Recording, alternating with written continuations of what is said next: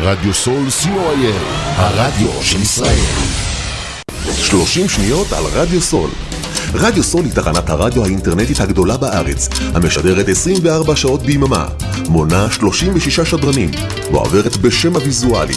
רדיו סול משדר במגוון סגנונות מוזיקה, מגוון גדול של תוכניות, אקטואליה, תרבות, הובאות live באופן, מיסטיקה ודרך חיים, יהדות וסקירת אירועים הישר מהשטח. ניתן להאזין לרדיו סול באפליקציית רדיו סול ישראל או באתר האינטרנט radiosol.co.il רדיו סול co.il הרדיו של ישראל יש לכם ניסיון בניהול צוות במוקד טלפוני? חברת מגן מומחים למימוש זכויות רפואיות מגייסת ראש צוות למוקד הטלפוני שלה בפארק אפק ראש העין. לעוד פרטים יש ליצור קשר עם ליאת ממגן בטלפון 053-967-5550 053-967-5550 פודקאסט, אחד מהטרנדים החמים שיש היום. רוצים להקליט פודקאסט משלכם? רוצים שכל העולם ישמע אתכם? רדיו סול, הרדיו האינטרנטי הגדול בישראל, מזמין אתכם לאולפן ההקלטות האיכותי והמקצועי ביותר, עם פודקאסט אודיו ווידאו, כולל גרין סקרין. לפרטים נוספים חייגו 03-677-3636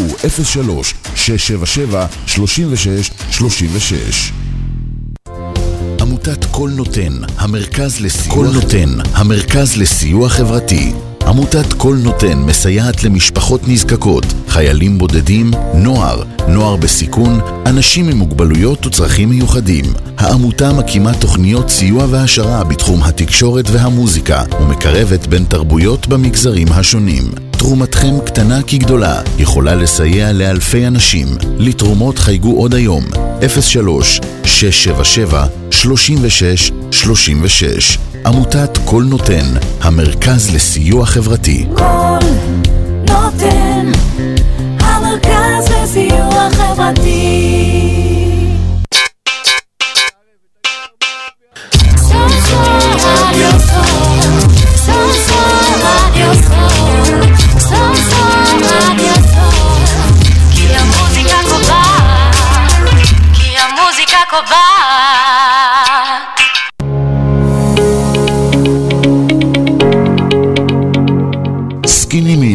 לצאת מהמינוס ולעלות אל מסלול האושר, בהגשת ענבר ראם.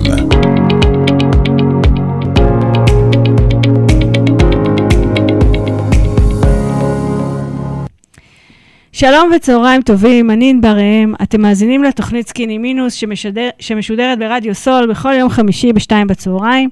למי ששומע אותנו פעם ראשונה, אני יועצת לכלכלת המשפחה, ואני עוזרת למשפחות לעבור ממינוס לפלוס, מהבראה לצמיחה. המטרה של התוכנית לדבר על כלכלת המשפחה וכסף מכל מיני זוויות. השידור מועבר ב live בפייסבוק, בפייסבוק של רדיו סול, מוזמנים לשלוח לי במהלך השידור הודעות.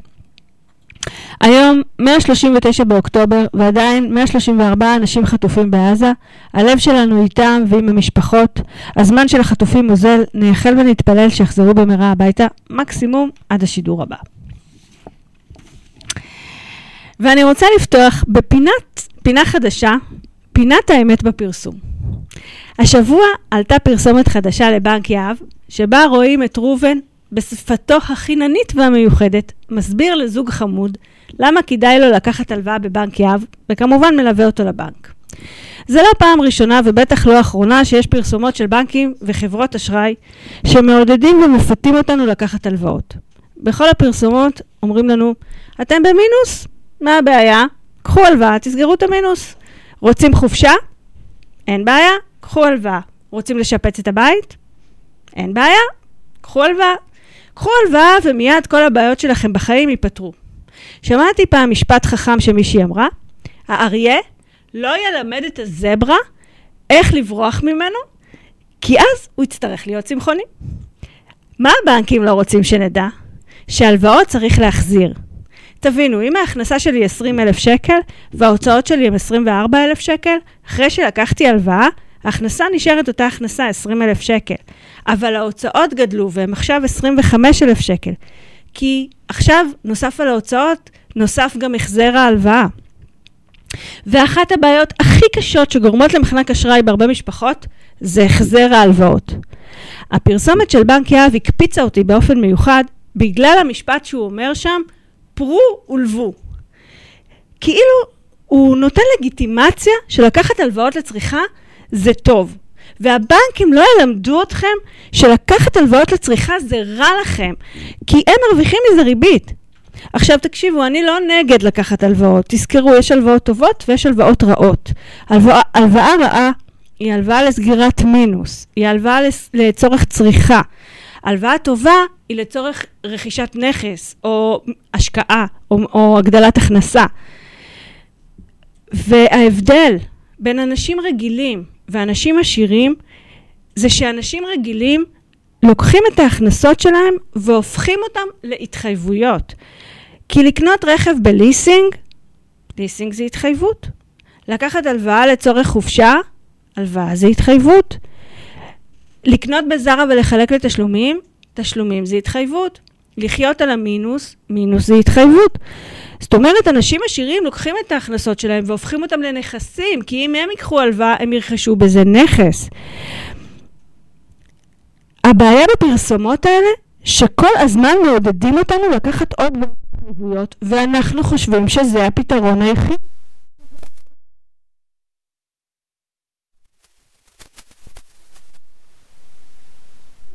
אף אחד לא מראה לנו שאולי יש דרך אחרת.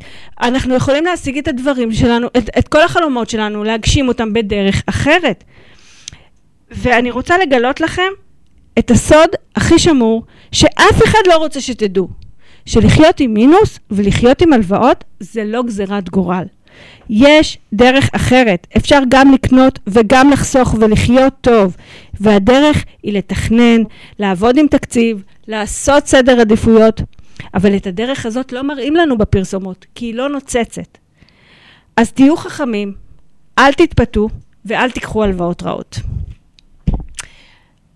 אנחנו נצא להפסקה, הפסקה ואז נתחיל.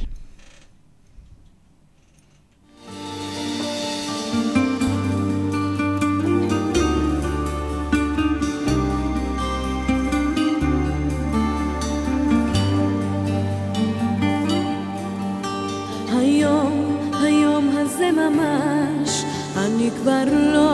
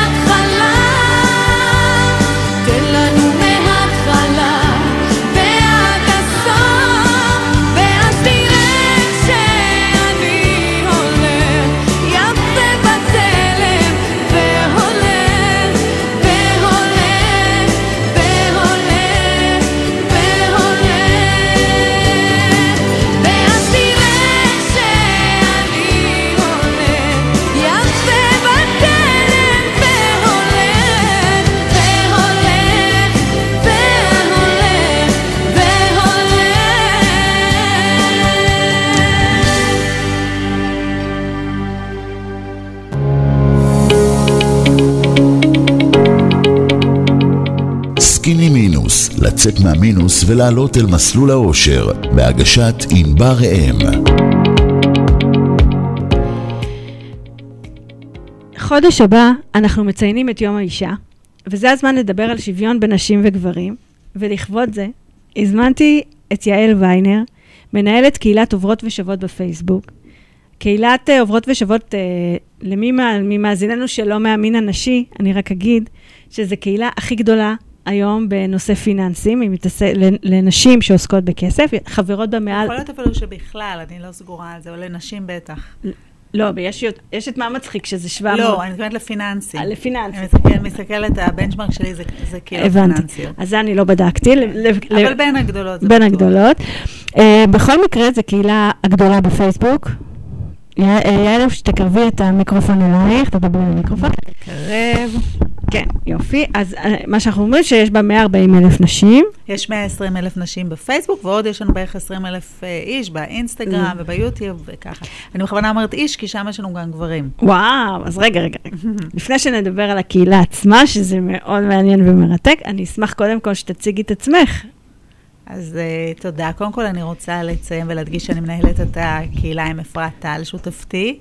אני ייסדתי את הקהילה לפני שבע שנים עם ענת קצה רוג'ס, שפר, שפרשה, uh, ואפרת נכנסה לנעליה, באמת uh, יחד uh, הטסנו את הקהילה, שאפרת נכנסה, אני חושבת שהיינו 25 אלף נשים. והיום אנחנו 120 אלף נשים בקהילה. על עצמי. אני uh, בהשכלתי עורכת דין, וגם עבדתי בזה ככה כמה שנים, uh, בעיקר בתחום המשפט המינהלי. Uh, אבל בלימודיי אני ככה עסקתי בהפקות, ועסקתי, ב, ב, הייתי בטלוויזיה, וככה מאוד בער בי חיידק כזה, ואיכשהו עריכת הדין הבנתי שזה לא בדיוק המקצוע שמתאים לי. ועזבתי את עריכת הדין, חיפשתי מקצוע אחר, ונכנסתי למעריב עסקים ככתבת משפט, שזה היה איזושהי אופטימיזציה של כל הכישורים שלי, ועבדתי שם קצת ככותבת משפט. מהר מאוד עברתי לתפקידי עריכה. Uh, בעיתונות הנשים ערכתי את סגנון במעריב, ערכתי את נשים במעריב, uh, ומשם עברתי ערך, לליי גלובס. שם ערכתי את ליידי גלובס, שהגעתי לשם בעצם uh, גם כמי שבאמת הגיע מהעולמות הכלכליים והמשפטיים, וגם מי שכבר עסקה בעולמות הנשים, ובעצם עברנו, העברנו בזמנו את ליידי גלובס, שהיום הוא כבר לא קיים, uh, במתכונתו שהייתה קיימת אז, uh, להיות מוצר מערכתי, מתוך איזושהי תפיסת עולם של באמת להנכיח את עניין, אז כינו זאת אשת המנוי, זו הייתה, הייתה התפיסה של קהל היעד. אה, ואחר כך אה, עברתי לכלכליסט, אה, ובעקבות איזשהם לימודים שעשיתי, לימודי יזמות וניהול חברתי, החלטתי שאני רוצה לצאת לדרך ולהקים מיזם חברתי. פגשתי את ענת סקאץ הרוג'ס, ואט אט רקמנו את, ה, את הסיפור הזה של עוברות ושוות, שהוא באמת מיזם, זה עסק חברתי שקהילת הפייסבוק היא אחד מהכלים שלו. אז אנחנו תכף נרחיב ונדבר, אבל אני רוצה לדבר איתך לפני הקהילה עצמה. אה, למה בכלל את חושבת שצריך אה, לדבר עם נשים על כסף? אוקיי. אמ, שאלה מאוד מאוד טובה. אה, בואו נתחיל מזה שאף אחד במדינה שלנו לא מקבל חינוך פיננסי, בהגדרה. אומרת, נכון, מעטים אז מאוד בוא נגיד יותר כן. הדור שלנו, כי אני רואה שיש שינוי בדור יש הצעיר שינוי, אבל יותר. עדיין הוא מאוד מינורי, אבל יש שינוי. כן. אבל מבחינת, אה, בוא נגיד, תרבותית, ומבחינת תפקידים מסורתיים וחלוקת תפקידים מסורתיים בין גבר לאישה בתוך התא המשפחתי, שזה כמובן מוקרן מחלוקת תפקידים אה, אה, מסורתית שהייתה קיימת אה, עוד בתחילת המאה שעברה בחברה הגדולה וקצת השתנתה רק במלחמת העולם השנייה. ועדיין יש עוד לאן ללכת בעולמות העבודה, אבל בטח בתא המשפחתי יש, הייתה הרבה מאוד שנים נוכחת תפיסה שהגבר הוא שר הכספים, תמיד נכון. נהוג לו. ונשים היו פחות מעורבות בניהול הכסף שלהן. גם נשים, דרך אגב, אה, שהן היו, אה, ניהלו משק בית לבד, פנו לאבא, פנו לאח, ולפני כמה זמן דיברתי עם איזושהי מנהלת אה, באחת מהחברות הפיננסיות, והיא אמרה ש... זה משגע אותה שכל פעם שמדברים עם אישה, ואפילו האישה מתקשרת ומבקשת עצה, היא. היא בעצמה חוזרת אחר כך לדבר עם האח שלה, עם האבא שלה, עם בן זוג שלה. היא צריכה איזשהו גבר שייתן לה את ה... אישור. אה, כן, את האישור. אה, ובעצם ההבנה שלנו הייתה שאנחנו בעצם, החזון שלנו היה לקדם עצמאות. וכשהתמקדנו וזיקקנו את זה יותר עצמאות פיננסית. וההבנה שלנו הייתה שיש המון המון מהלכים בעולם הגדול הזה שצריכים לעשות בשביל לייצר עצמאות. לא נדבר על פערי השכר ועל פערי הייצוג וכדומה. אבל יש בעיה אחת שנמצאת מתחת לפנס. והיא קשורה באיך כל אחת ואחת מאיתנו מתנהלת. אני לא צריכה לבקש מזה מעלאה בשכר מאיזשהו בוס, אני לא צריכה אה, ללכת עכשיו ולשנות חקיקה בכנסת. אני יכולה בעצם לשנות את ההתנהלות הפנימית שלי מול כסף, ובזה לייצר לעצמי באמצעות ידע בתור התחלה, ואחר כך באמצעות פעולה, לייצר לעצמי יותר הון, ובסופו של דבר גם יותר כוח, ויותר שותפות גם בתא המשפחתי. והיות וזה המקום שנשים לא היו בעמדת נחיתות מאוד מאוד גדולה, וזה גם עשינו מחקר, אה, סקרים, ממש סקרים אמיתיים, וגם קראנו מחקרים מהארץ ומהעולם, ודיברנו. עשינו הרבה הרבה מאוד בדיקות לפני שיצאנו לדרך הזאת, והבנו שקיימת באמת בעיה אמיתית, שקיים כאב, ולכן ניגשנו לפתור אותו. אז הבנו שאנחנו צריכות בתור התחלה לייצר סביבה בטוחה לנשים לדבר על כסף. והאמנו שברגע שתהיה סביבה כזאת, מכאן התהליכים יתחילו להתגלגל.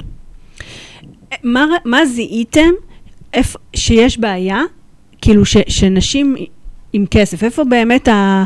איפה זה בא לידי ביטוי הכאב שאת מדברת עליו? תראי, בסופו של יום יש כל מיני חסמים שמונעים מנשים באמת להתעסק עם כסף. נתחיל מזה שהרבה מאוד נשים, וגם אני חוויתי חוויה כזו באופן אישי, אני לא יודעת אם את, כשהן מגיעות למוסדות פיננסיים, הן נתקלות הרבה פעמים באיזושהי תחושה של התנשאות וזלזול. עכשיו, בכוונה אמרתי תחושה, כי זה לא, הרבה פעמים זה לא בהכרח אה, אה, אובייקטיבי. אבל ברגע שאת לא מכירה את השפה, ואת לא מכירה את המינוחים, ואת מתחילה להרגיש שאת מתגוננת ושואלת, ולא בדיוק יודעת את, ה, את, ה, את הקודים האלה שמדברים בהם בעולם הפיננסי, כבר את בעמדת אבל את. יודעת מה? אני לא יודעת, זה, זה שאלה, זה, זה דבר מאוד מדהים שאת מדברת, כי אני לא יודעת אם זה הביצה והתרנגולת. כי אני באה מה, מהעולמות הפיננסיים, אני, אני עבדתי 20 שנה בבנק, וכשהיה מגיע זוג, היה יושב מולי, והרבה פעמים... ואני הייתי רואה איך האישה לאט לאט, כאילו, היא-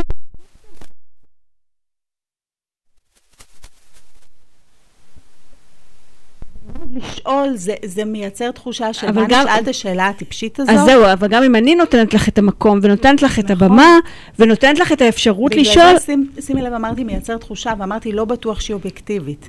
אמרתי, כן. לא בטוח שהיא אובייקטיבית. יכול להיות שאת באת, ולמשל, בתפקיד שלך, באת, ובאמת הייתה לך את כל הנכונות לדבר לשני בני הזוג. אבל היות ונשים פחות מוכוונות, פחות מוסללות לזה, פחות מטפלות בזה, פחות מדברות גם בזה עם החברות שלהן, אז זה בעצם השולם שהן לא מכירות. בואו נדמה את זה לעולם הספורט, שגם פה יש שיפור. אני, אני, אני מאוד אוהדת ספורט, ואני מאוד בקיאה בכל, בכל השפה של הספורט, אבל כשאת נגיד נקלעת לשיחה של אוהדי כדורגל, ואין לך מושג במה מדובר, את מרגישה ישר לא שייכת, נכון? עכשיו קחי את זה לעולמות הפיננסית, שזה עולמות שמשפיעים על החיים שלך. את, את יושבת בשיחה, והגבר... בן זוגך, שבסך הכל את ביחסים טובים איתו, וזה מהנהן בביטחון עצמי. אנחנו אומרים. מדברים פה על סיטואציה שאת סומכת על הבן הזוג שלך, כן, ואת נכון. אה, כמובן, אבל, אבל זה. מתחיל עוד קודם, זה מתחיל עם ה role modeling שקיבלת בבית, עוד דור אחורה. במרבית המקרים שם באמת, א', אני יודעת, אימא שלי יצאה בגיל מאוחר יחסית לעבודה, זה לא היה כן. מאוד מקובל. נכון. אז אנחנו בעצם סוחבות איתנו גם את ה role modeling האלה, זה את משחקי התפקידים האלה, שצריך לנפץ את זה, זה איזושהי תקרת זכוכית פנימית בבית. אז נתחיל מהחסמים החברתיים, התרבותיים. עכשיו אני חייבת להגיד שאת באמת באת כ- כאישה, אבל מרבית ה... אני אומרת, הבנקים, יש להם חוש ריח מעולה למוסדות הפיננסיים, והם מזהים איפה נמצא הכסף והכוח, איפה מרוחה החמאה. וזה דרך אגב אחד התהליכים הכי חשובים שעשינו בברות ושברות. עכשיו, שהיות ובעצם יודעים שהגבר הוא, הוא, אז הרבה פעמים מתקשרים לאישה ואומרים, בעלך נמצא עם יונה בזמנו שענינו טלפון נייד, כי היה ברור שהגבר הוא, הוא זה ש, שמטפל בכסף. לי הייתה סיטואציה, שלחתי ליועץ פנסיוני בבנק, והוא לא הסתכל עליי, ופשוט קמתי והלכתי בעצבים. וואו. ואני שומעת על זה הרבה מאוד חוויות, גם מחברות, גם אנשים, וגם מחברות הפיננסיות שמודעות לזה ועובדות על זה. אז נוצר פה איזשהו מצב שמחד האישה היא מוסללת לזה, מסיבות חברתיות, תרבותיות. מגיעים לזוגיות, הגבר לוקח את התפקיד, האישה לא מתנסה בזה, היא לא משכללת את הכישורים שלה, אלה גם נפגשת. נוח לה, בואי, אני, אני יכולה הרבה לספר פעמים לך אפילו, נוח, אני אני מספרת- מסכימה. מספרת את זה הרבה פעמים, שכשהתחתנו, אני, אני לא רק לא ידעתי כלום בחיים שלי, באתי מבית שלא דיבר כסף ולא ידע כסף והתנהל גרוע בכסף, אני נורא פחדתי מכסף. אז אני התקבלתי לעבוד בבנק, ואני ראיתי כל יום את החשבון שהיה, ש- שהיה במצב נוראי, ונתתי לא לטפל בכספים, למרות שגם הוא לא יודע כלום, אבל, אבל היה לי נוח. אז הוא היה שוטר בשטח, לא היה זה, אני הייתי יושבת כל היום במשרד, רואה את החשבון בנק ולא מוכנה לטפל. זאת אומרת, לקח לי זמן צודקת. לעבור את, ה, את הפחד הזה, את ממש צודקת, זה גם באמת אז אני ממש נוח. מזדהה עם מה שאת אומרת. כן, את יודעת, היינו, ש- שענת ואני, הר- הרעיון המקורי שלנו היה בכלל, לא רצינו להקים קהילה, רצינו ללכת, אני באתי מתחום התקשורת, וענת הייתה מהנדסת תעשייה וניהול, היא עדיין, וחשבנו שאנחנו בעצם נבוא כיועצות. וניתן איזשהו 360 של ייעוץ לחב... לגופים פיננסיים, איך להגיע לקהלי יעד נשים, ששם ראינו אוקיינוס כחול, שאפשר לה- להביא ממנו לקוחות, ואפשר לקחת כסף ולייצר ממנו עבודה. ולא רצו לדבר איתנו, די זרקו אותנו מכל המדרגות. באמת, אפילו אחד המוסדות הפיננסיים, אני ממש זוכרת שאמר לנו, אנחנו מתלבטים השנה בין נשים לערבים. שכאילו, על הכיפאק ערבים, אבל נשים, כאילו, זה לא... 51 אחוז. מהאוכלוסייה, כאילו, הלו? ואני זוכרת שהיינו באחד המוסדות הפיננסיים הגדולים, והיו שם שלוש אה, סמנכ"ליות, ושלושתן אמרו שהן לא מטפלות בכסף בבית. ועשינו קבוצות מיקוד, היינו מאוד רציניות בעניין, זה ממש לא פתחנו סתם את הקהילה, והבאנו שם הרבה מאוד נשים, ואחת, גם סמנכ"לית באיזו חברה, אמרה, אני עושה outsourcing לכסף. ובאמת, כאילו, היא הרגישה ממש טוב, בעלי, הוא ה outsourcing שלי. אז נכון, יש לזה, גם- זה גם באמת מונחס, בואי. אין ספק שיש בזה גם הרבה דברים מנג'סים, בטח שאתה פחות מבין, אז אני גם מקבלת את הנקודה הזאת שלך. אבל, בסוף זה חשוב. לגמרי. ובסוף, גם למשפחה. זה לא רק עניין של נשים שעכשיו המזונות יוצאות לכבוש את העולם. זה באמת חשוב למשפחה, שכולנו נבין מה קורה, וכולנו כי בסופו של נדע דבר, להתנהל. גם אם הוא מנהל את הכסף, כאילו, אם תחשבי על זה, מי שמנהלת את כלכלת המשפחה זה האישה, כי היא זו שקונה, והיא זו ש... היא, היא זו שלוקחת את הילדים לחוגים, והיא זו שקונה את הבגדים, והיא זו שקונה את האוכל, וגם אם הוא הולך לסופר, אבל היא יודעת להגיד מה היא צריכה. זאת אומרת, את זה הכלכלת עניין של משפחה, ההחלטות הגדולות, כן, תכלס, אבל את ההחלטות ניהול הגדולות, החשבון. נכון, כי יש נכון, לי חברות שאני חושבת שאין להן את הסיסמה על חשבון הבנק שלהן, נכון. שזה סוג של basic בעיניי. נכון. וגם יש באמת אמון מוחלט בין בני הזוג, אנחנו לא באים ממקום כזה, ואני לא עכשיו מתחילה את לא, לא, אנחנו מדברים על- תחזיות הפחדה האלה, ומה יקרה אם תתגרשו, לא, לא, אנחנו מדברים על. מצב נורמטיבי, אז- כן, זה פשוט לא נורמטיבי בעיניי, שרק אחד מבני הזוג ידע מה קורה בכסף. עכשיו, מעבר לזה, גם אם רוצים לדבר על שפע, ואת מדברת על באמת אה, לעבור לאושר, אז באמת צריך לדעת איך להשקיע את הכסף נכון, וצריך להיות mindset של לחסוך ולהשקיע. זה משהו שחייב לקרות בזוג, אחרת זה גורם לחיכוכים עצומים. וגם גם מטרות השקעה, ויעדי השקעה, וגם, וואלה, לפעמים הגבר הוא לא כזה גאון בהשקעות, ואם את תיכנסי לתמונה, אולי יהיו לך רעיונות יותר טובים, אולי תביא איזה שהם אסטרטגיות אחרות. אני חושבת שלעשות דברים ביחד זה תמיד נכון, ואני חושבת שבשביל זה, קודם כל צריך איזשהו ידע ולהסיר חסמים, ובשביל זה באמת הקמנו את עוברות ושוות. עכשיו, בעצם פנינו פה לשני דברים. אחרי שהגיעו לנו 6,000 נשים, אחד הבנקים הגדולים שלא רצה לדבר איתנו לפני זה פנה אלינו, והיום אנחנו עושות שיתופי פעולה עם כל הגופים הגדולים במשק, וזה חלק מהחזון. חלק מהחזון, כמו גם חלק מהתוכנית העסקית, אבל לגמרי חלק מהחזון, שגופים יבינו שנשים הן קהל יעד ששווה לפנות אליו. קהל יעד אסטרטגי. פה אני חושבת שעשינו שינוי מאוד מאוד גדול, ובכנס אה, הפיזי, הפיזי האחרון שעשינו בבת ים, אמרה אלה אלקלעי מ-IBI, שהיא שנים ניסתה לשכנע את הבורד שלה שיש טעם לפנות לנשים, ובעצם אנחנו כקהילה של 120 אלף נשים, מהווים בשבילה איזושהי אה, ראייה עובדתית של הנה, נשים באמת מתעניינות בכסף. את אומרת פה משהו מאוד מאוד מעניין. את אומרת בעצם שמהלכים חברתיים מתרחשים כשיש אינטרס כלכלי. חד משמעי. ובעצם איך אנחנו, איך אנחנו יכולות להפוך את עצמנו ל, ליעד כלכלי? תראי, אני חושבת, אני לא מאמינה שאף אחד עושה, לא יעשה טובה לאף אחד. וכשהגענו לכל מיני גופים פיננסיים והפנו אותנו לאחריות חברתית, אנחנו סירבנו להיכנס בדלת הזאת. זאת אומרת, העדפנו ללכת לדלת היציאה מאשר להיכנס זאת אומרת, לא לדלת ללכת. ל- לחמלה, למקום של. חמלה. לא. חיכינו שסמנכ"לי השיווק והדיגיטל ירימו את הטלפון. או סמנכ"לי הפיתוח העסקי. ואם אלה האנשים שאנחנו מדברות איתם היום. ברגע שמבין, שהגוף פיננסי מבין שלאנשים יש ערך ויש להם באמת את הכסף, והם יכולות להשקיע אותו ולהיטיב עם עצמם ולהיטיב עם הגוף הפיננסי, פה זה הווין ווין. אז זה באמת הייתה, זה באמת הייתה תפיסת העולם שהנחתה אותנו. אני מאוד uh, עצובה. ובאמת עצובה, אין לי מילה יותר, שבכל מיני תחומים אחרים, שבהן נשים היו אמורות לדעתי היום לפרוח ולזרוח, ואנחנו באמת רואים איך בשביעי לעשירי, למשל, הטנקיסטיות המתוקות והמקסימות האלה, שאפילו לא טרחו ללמד אותן את כל המערכת ולמדו את זה תוך עשר דקות שהיו צריכות, אמ. הטנקיסטיות, הפרמדיקיות, לגמרי, לגמרי. את רואה רוכבות השמיים, הטייסות, כן. כאילו, וגם, את יודעת מה, גם הגיבורות הרגילות ש...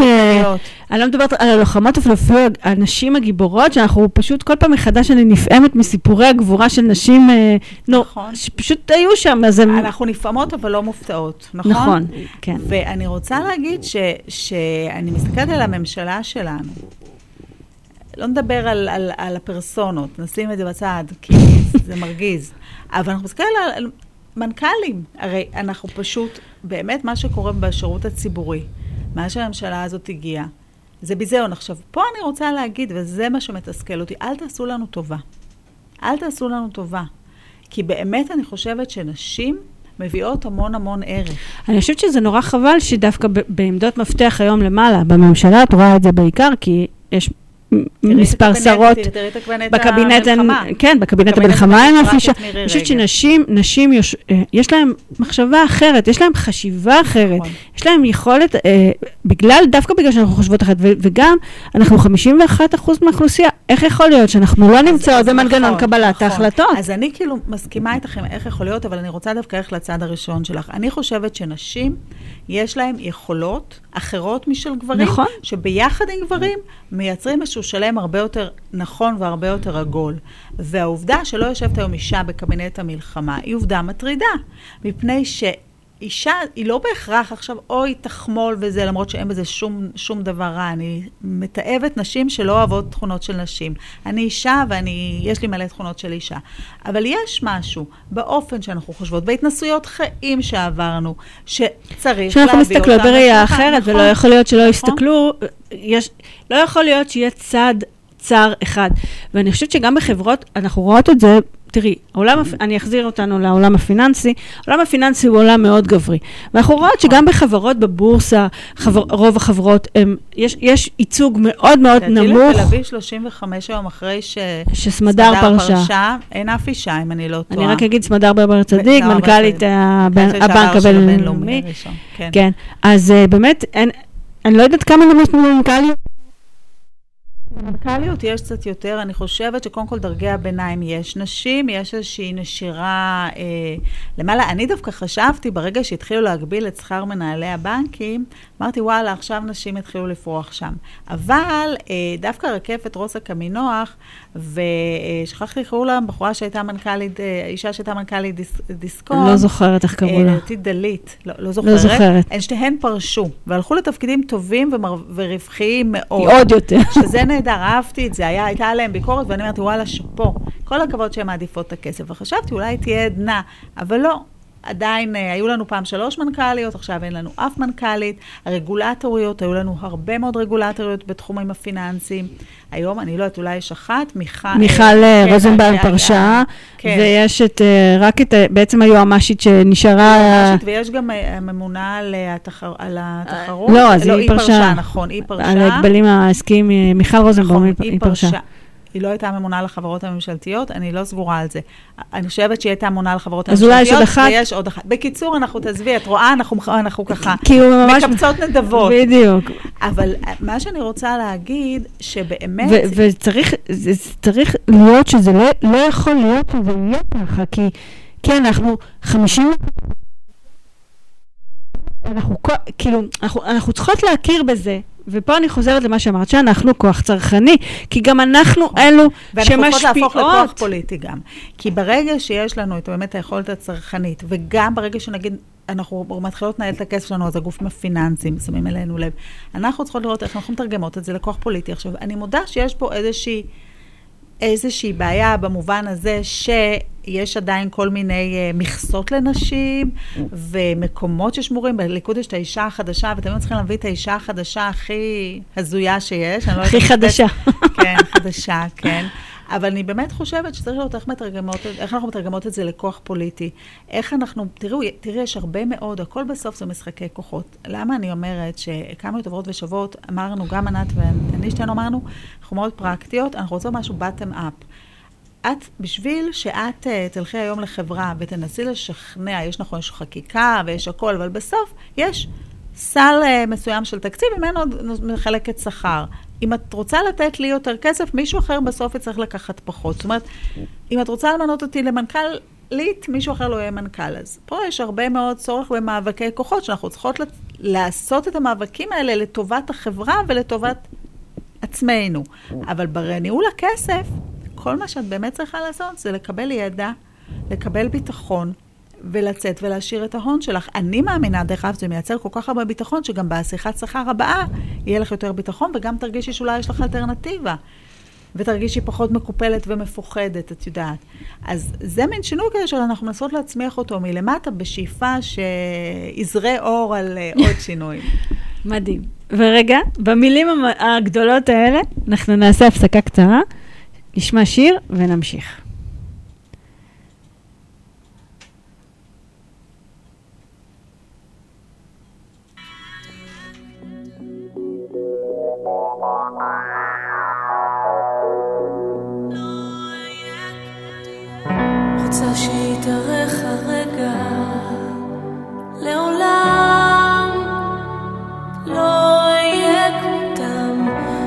הזיכרונות מבית הספר. בלגן אצלי בחדר. אני רוצה געגועים שלא יניחו להירדם שלא אוכל להילחם. אומרים היא חיה בשמיים או בים לא כמו כולם צוללת ועולה איש לא יתקרב וגם אם תאמר שאתה אוהב שנשבר לך לב ובחרת בי מכולם, מכל הבנות בעולם, לא אקח אותך לשם, כי לימדת אותי שתיקה,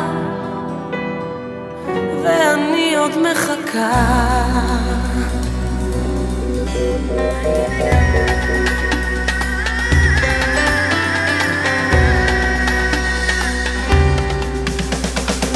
אני רוצה ידיים ארוכות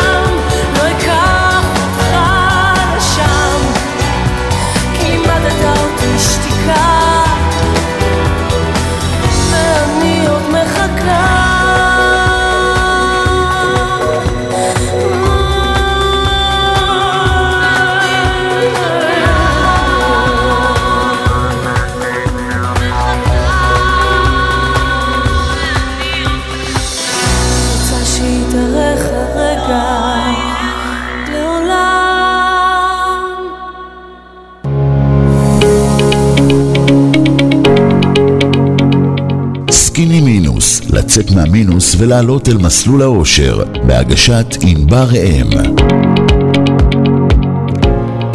חודש הבא אנחנו מציינות את אה, יום האישה. ואני אשמח לשמוע מה דעתך, כי אני באופן אישי לא אוהבת את יום האישה. זה מרגיז אותי. Uh, בדיוק במה שדיברנו לפני כמה דקות. אני חושבת שאנחנו צריכים לקבל את הדברים כמו ש... כאילו ממקום של חוזקה, ממקום שאנחנו טובות, ממקום שמגיע לנו, ולא ממקום ש... של רחמים. וכמו שאמרת, אני באמת חושבת ש... שאם יש משהו שהמלחמה הזו הוכיחה, שהוויכוח הזה תם, כל אישה יכולה לעשות מה שהיא רוצה, ו... אני, אני רק רוצה לתקן אותו שהוויכוח לצערי לא תם, כי אפרופו, יש כל מיני כן, אנשים אבל שרוצים... כאילו הוכחנו שאנחנו יכולות, בוודאי יכולות, אני מסכימה איתך. שאף אישה לא נופלת מאף גבר. אני בגדול מסכימה, אני רוצה לחזור איתך לאיזה סיפור שאני אני ככה, תמיד יושב לי בראש. אני ערכתי בזמנו את ליידי גלובס, ואמרתי לך, אני לא, אני העברתי את העיתון מזה שהוא היה בעיתון אה, אה, מסחרי, זאת אומרת שהיו על השער שלו דוגמניות, בשביל זה בעצם הביאו אותי בזמנו, הוא יצא פעם בחודשיים, ואני העברתי אותו לפעם בחודש, והפכנו לעיתון מערכתי. אמנם לקהל יעד של אשת המנוי בזמנו, והמטרה הייתה להביא נשות עסקים שיהיו על השער, ולא רצו. לא רוצות להיות בגטו הזה. אה, אז התחלתי לאט לאט, האמיצה הראשונה הייתה בזמנו עירית שטראוס, שהצטלמה, אה, ואז אה, עשיתי שני מהלכים. קודם כל, התחלתי לעשות ניטור של יפעת, שאת חברת ניטור מדיה, שהראיתי בכל חודש כמה נשים מופיעות בעיתונות הכלכלית. ואת יודעת, המספרים הם חד ספרתיים בלמטה. ותמיד כבר זה היה לי, והייתי מפנה אותם לזה, כאילו זה היה סוג של, א', היה לי חשוב להראות את זה. ואמרתי להם, תתחילו אצלנו, ומאיתן, ממ- מהמקום הזה תצאו לעיתון הכללי. כי הם אמרו, לא בא לנו להיכנס לגטו. ואז עשינו איזשהו מהלך, את זוכרת שגליה מאור הייתה מנכ"לית בנק לאומי, והיה לנו צילום פפרצי שלה. אה, והחלטתי לשים את הצילום הזה על השער. ואני זוכרת שיום אחרי שזה התפרסם, אני הוזמנתי לאיזה אירוע, ואנשים לא, לא הכירו אותי ודיברו, וואו, ראיתם את גליה ישר, עכשיו תמונה מאוד מאוד מחמיאה, לא הייתי בחיים שמה תמונה מחמיאה שלה. וכמובן, לא אמרתי שהיא הצטלמה לנו לשער, אבל התמונה הייתה כל כך מחמיאה, והתאורה הייתה כל כך טובה, אני חושבת שאנשים חשבו, וזה פרץ את הסכר. עכשיו, העובדה שנשים אה, נכנסו לליידי גלוב ועמדו בקדמת הבמה ודיברו והגיעו לכנסים, אחרי זה גם במשך השנים, אני הרבה שנים מעורב בכנסים, היה מאוד קשה, אותה גליה מאור, אני זוכרת שהיינו בכלכליסט, ניסינו להביא אותה לכנס, והיא אמרה, לא עשיתי שום דבר מיוחד השנה, אז מי שארגנה את הכנס אמרה לה, גליה, כל מנכ"ל בנק אחר היה מגיע לפה, בטח שעשית המון השנה. אה, כי הייתה אישה באמת, הייתה אישה מאוד מובילה. אז אני רוצה להגיד שכן, מקומם שעדיין צריך יום האישה, ויש לי איזושהי התנגדות לזה. מצד שני, צריך איזשהו יום אחד לעמוד על הגג ולצעוק בקול גדול, יש פערי שכר. וצריך לעמוד יום אחד על הגג ולצעוק, אין מספיק נשים במשרות בכירות. וכאילו יש את היום הזה שאנחנו כן יכולות עם, עם המיקרופון לצרוח את זה ומישהו שומע, אז אני, בשביל זה אני שמחה שיש יום האישה. ברור לי שזה לא צריך להיות, אבל היות והמצב הוא כל כך מבאס, והיות וצריך לחולל שינויים, אז יאללה, ביום הזה נצרח בקול רם, וכן ישמעו, אולי זה... לא יקרה כלום, אבל בסדר, יאללה. כן. אולי בתקווה של הבנות שלנו כן, זה ישתנה. כן. אה, אני רוצה לחזור איתך לקהילה שבנינו, שבניתן. כן. שאני פשוט אה, מרגישה שזה קצת שלי, סליחה, שאני קצת. חלק. חלק עצום בקהילה. אה, אחד הדברים ש... שעשי... קודם כל אני רוצה להגיד לך, אפרופו שינוי, אפרופו תהליכי שינוי, אחד הדברים ששמתי לב, תתקני אותי אם, אני לא, אם, אם אני טועה, אבל אני שמתי לב שהתחילו להצטרף לקהילה המון נשים צעירות. זה אחד השינויים הכי מדהימים שהקהילה הזאת יצרה. ש... אחרי שנתיים, היום ה- אני יכולה להגיד לך. זאת אומרת, האם אתם בודקים את זה דמוגרפית? אני לא יודעת, אבל... אה, יש לנו נתונים חד משמעית. אני חושבת שבערך 50% מהנשים בקהילה הם עד גיל 35, ואחרי זה יש עוד קבוצה מאוד גדולה של נגיד 30% עד גיל 45, ואחרי זה כל השאר, זה מטורף. לא כן. התחלנו ככה. התחלנו נשים הרבה יותר מבוגרות.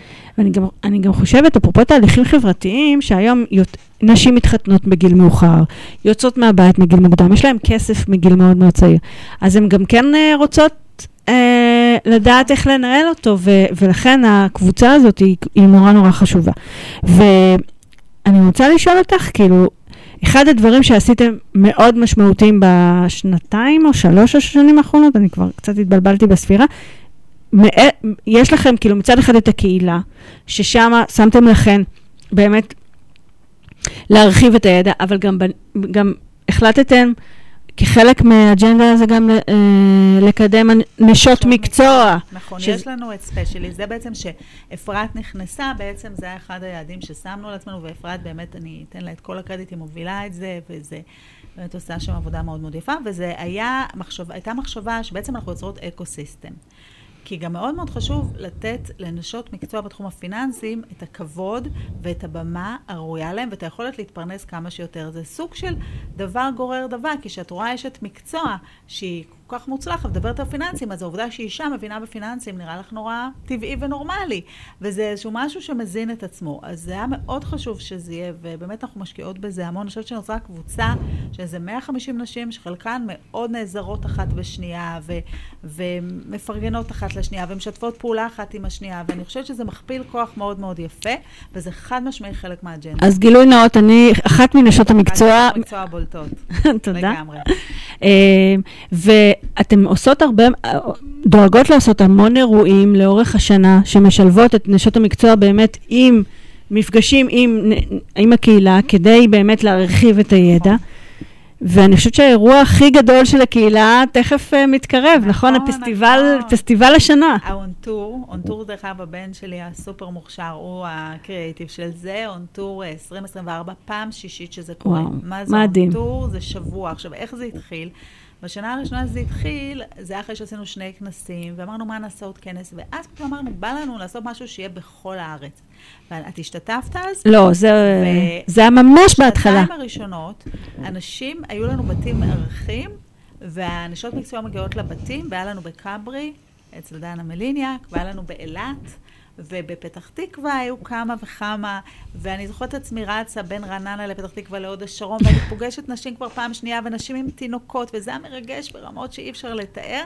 ואז הגיעה הקורונה, ו- ועשינו מהלימון הזה די לימונדה, כי פתאום עשינו את זה בזום. כן, אני הצטרפתי אלפי בקורונה. נשים, אלפי נשים, באמת, כמות מטורפת של נשים. וזה תמיד מרגש אותי של הרצאה על ביטוח, מצטערת שאני אומר ביטוח, אבל זה נראה כאילו בתחום הכי אפור, פתאום עולות 200 נשים בשמונה בערב. ואת אומרת, וואו, 200 נשים עולות להרצאה על ביטוח. אז אנחנו נותנות 50 הרצאות של נשות המקצוע המדהימות שלנו. אנחנו מאוד מקפידות, אנחנו מאוד עובדות על זה. את יודעת, אנחנו לא מחפפות אף פעם.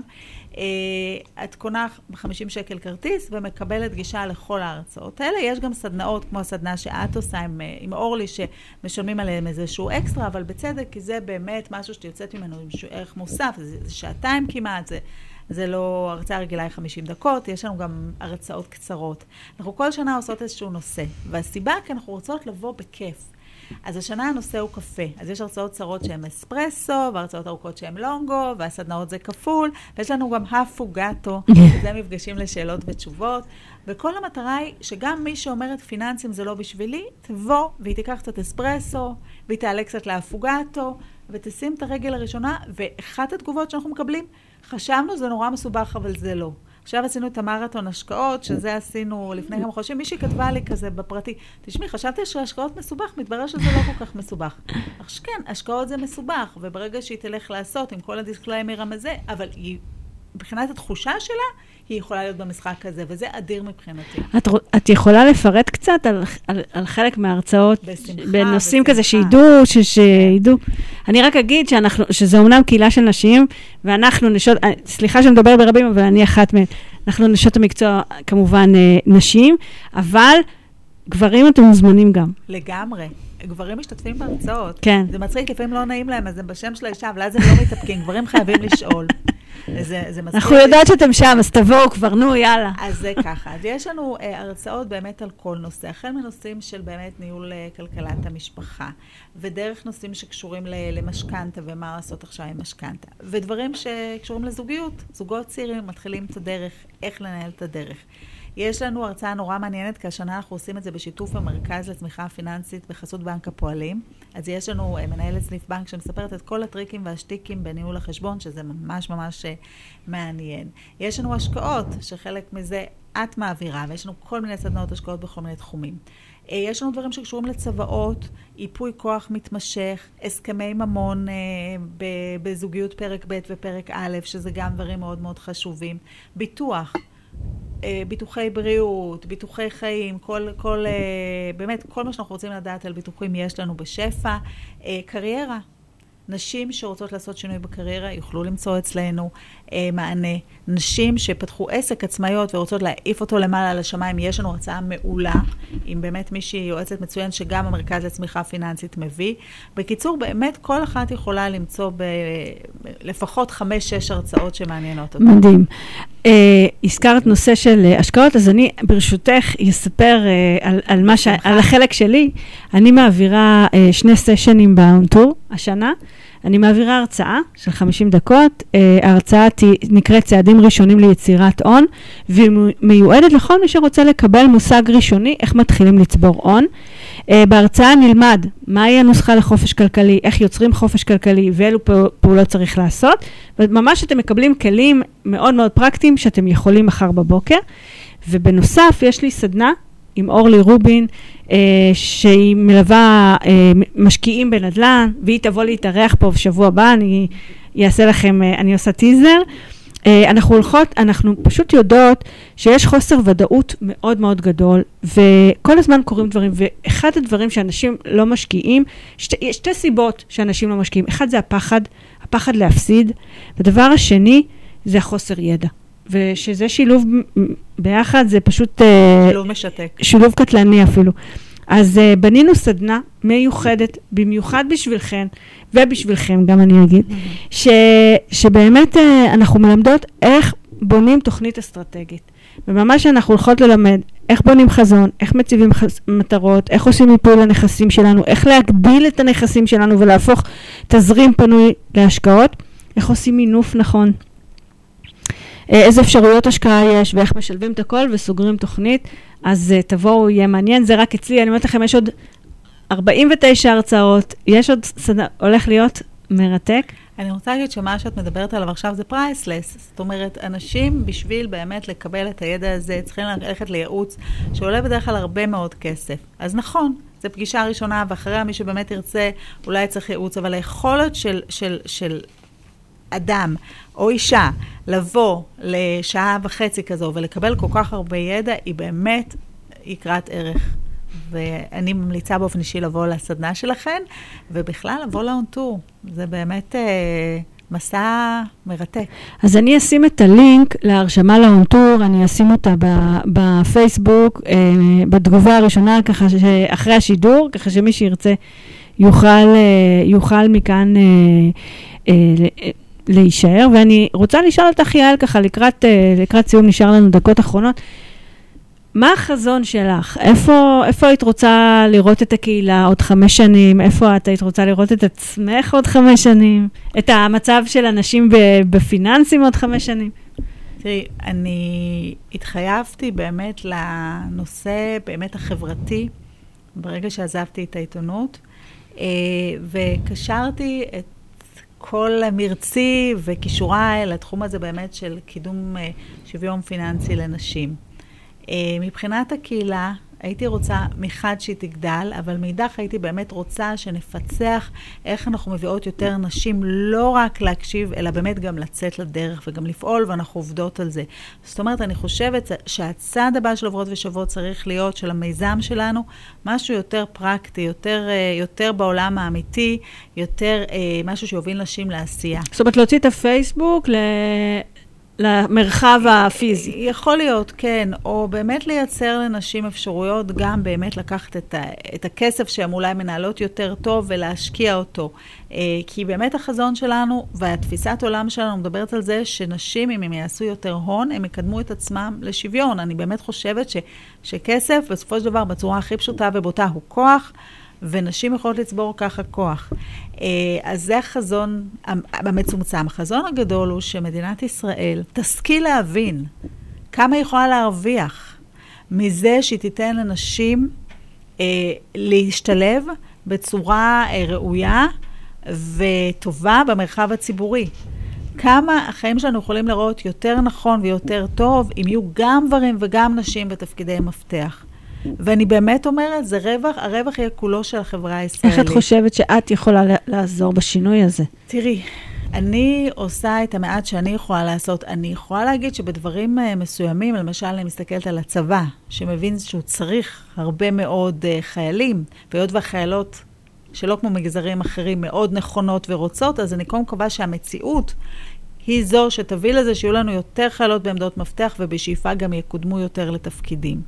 אה, אני מבחינתי אמשיך לעשות בכל מקום שאני אהיה בו, אה, בעוברות ושוות, אה, להמשיך להצעיד קדימה לטובת החזון הזה, ויכול להיות שאני גם אפעל במישורים אחרים, יותר רחבים, אבל ברור לי שזה חשוב ונכון לטובת מדינת ישראל, לא פחות מזה, שנשים יתברגו בתפקידי מפתח.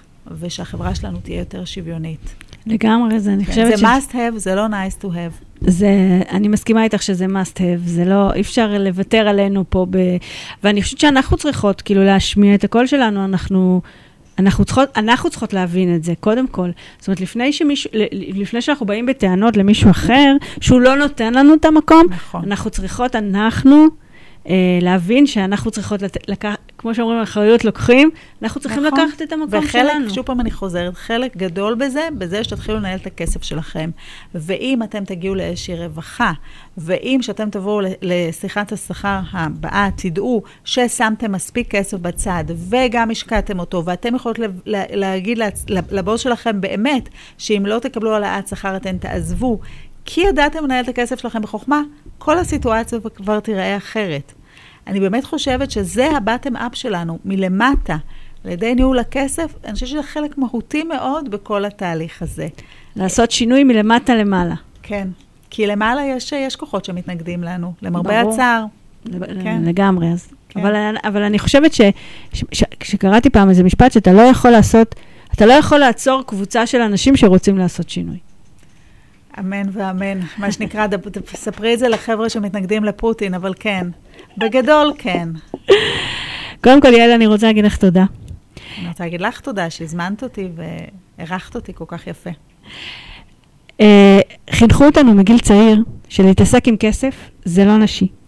והתפקיד של הגבר לטפל בכסף, ולכן באמת לרוב התפקיד המסורתי של הבעל הוא להביא את הכסף והאישה מטפלת בבית, והיא גם אחראית על כלכלת המשפחה, כמו שאמרנו פה את זה היום. אה, והרבה פעמים אנחנו משאירות את הטיפול בכסף לבעל. אז אה, נשים, אני שמה לב, מתחילות לטפל בכסף שלהן בדרך כלל ברגעי משבר, או בגירושין או במוות, וזה ממש לא הזמן להתחיל לטפל בכסף. אל תשאירו את הבמה רק לבעל, לבעל שלכם. תהיו מעורבות, תשאלו שאלות, תרחיבו את הידע הפיננסי שלכם, תשמיעו את הקול שלכם, רק ככה נוכל לעשות שינוי אמיתי. אני רוצה להגיד תודה ליעל ויינר שהשתתפה איתי פה היום, ותודה רבה לכם שהייתם איתי. אני הייתי ענבר ראם, ניפגש ביום חמישי הבא בשעה שתיים, להתראות וסוף שבוע מעולה.